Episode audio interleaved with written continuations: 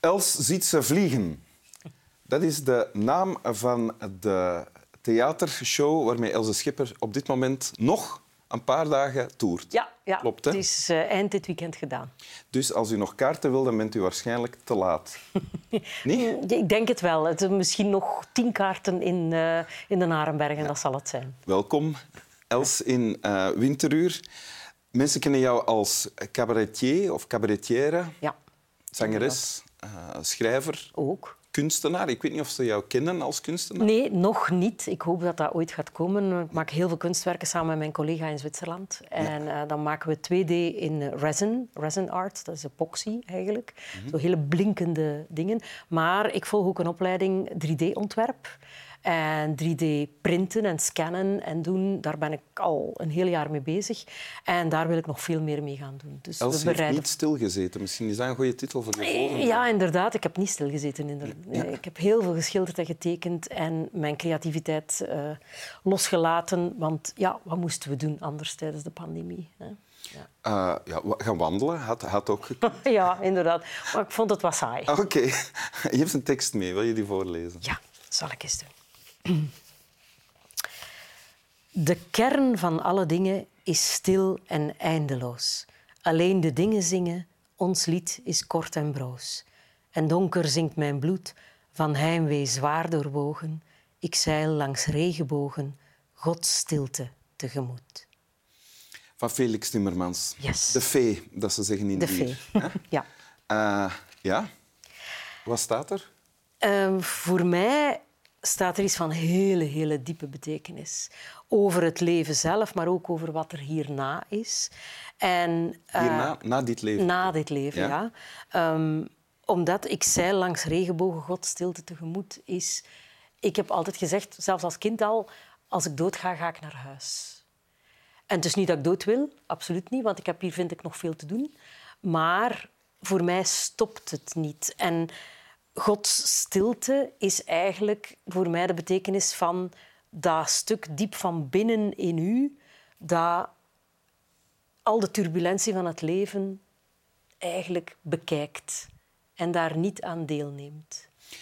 En is dat er wanneer je niet meer leeft of is dat er ook tijdens je leven? Dat kan er ook zijn tijdens het leven.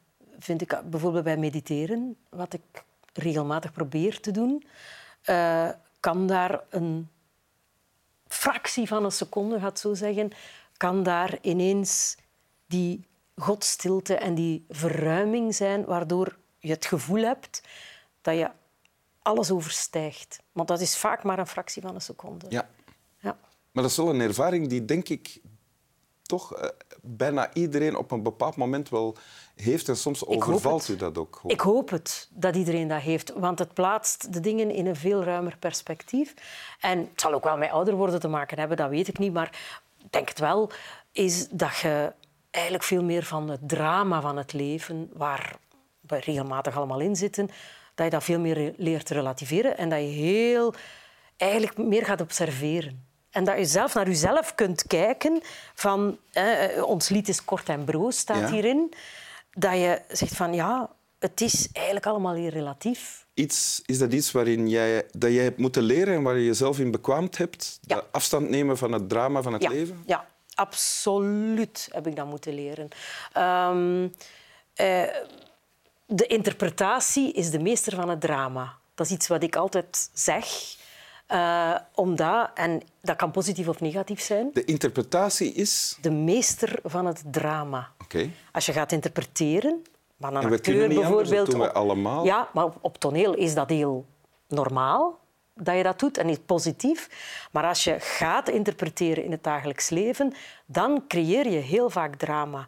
Als je kan afstand nemen van die interpretatie en kijkt, observeert, probeert zo neutraal mogelijk, wat moeilijk is, dan constateer je en dan kijk je en dan ga je niet meer vanuit je eigen diepste overtuigingen, die vaak negatief zijn, dan ga je niet de wereld kleuren vanuit die interpretatie. Je eigen diepste overtuigingen die vaak negatief zijn. Ja, ja.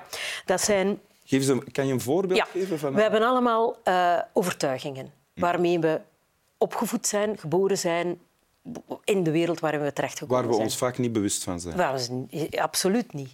En bijvoorbeeld, een van die overtuigingen kan zijn: eh, ik ben het niet waard. En dan ga je je wereld kleuren naar het feit dat je het niet waard bent. Ik heb heel vaak als overtuiging gehad, en eh, daar zitten nog zeker residu's in, ik hoor nergens bij. En ik heb mijn wereld daar ook naar gekleurd. Ik weet waar dat vandaan komt, die overtuiging. Dat heeft als kind is dat in mij ingeprent door de omstandigheden. Op mijn drie jaar ben ik uit huis gegaan omdat er van alles drama aanwezig was eh, waar niemand iets aan kon doen in onze familie. En ik ben dus geplaatst bij mijn grootmoeder. Maar als klein kind kan je niet die redenering maken en die afstand nemen en die neutrale obse- observer zijn. Nee, je gaat interpreteren, en dat was zeker in mijn geval, oei, ik word hier uit huis gezet, het is mijn schuld wat er allemaal gebeurd is, wat ook niet waar was, maar...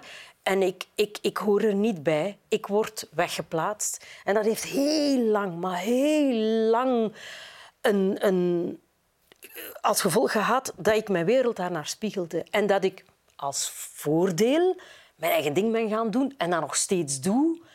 Maar als nadeel dat er ook heel veel eenzaamheid is gekomen. En daar heb ik werk aan gehad om dat, eh, om dat te, om te, om te vormen tot iets positiefs. Want wat je dan doet, is, denk ik, of wat veel mensen doen, is dan dat gevoel van eenzaamheid aanvankelijk ontvluchten. Niet?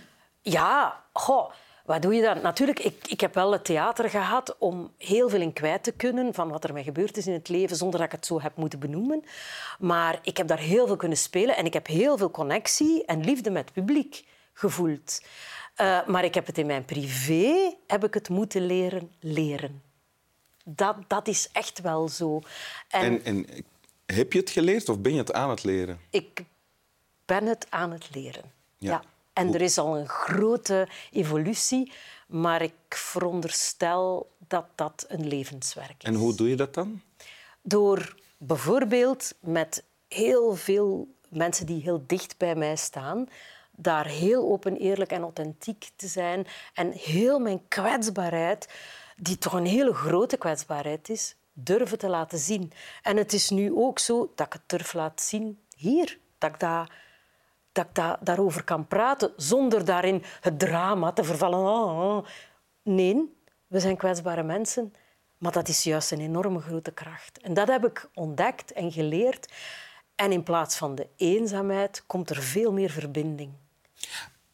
Als je zegt van ik heb geleerd om mijn kwetsbaarheid te laten zien, is het dan bijvoorbeeld dat je aan iemand aan je, in je omgeving op een bepaald moment kan zeggen ik voel me nu eenzaam ook als ik... ik, ik kan naar mensen bellen, naar mijn vrienden bellen en ik kan huilen en ik kan de dingen die op mijn lever liggen of ik kan dingen zeggen en ik kan daar feedback van krijgen. We kunnen praten of iemand die gewoon luistert.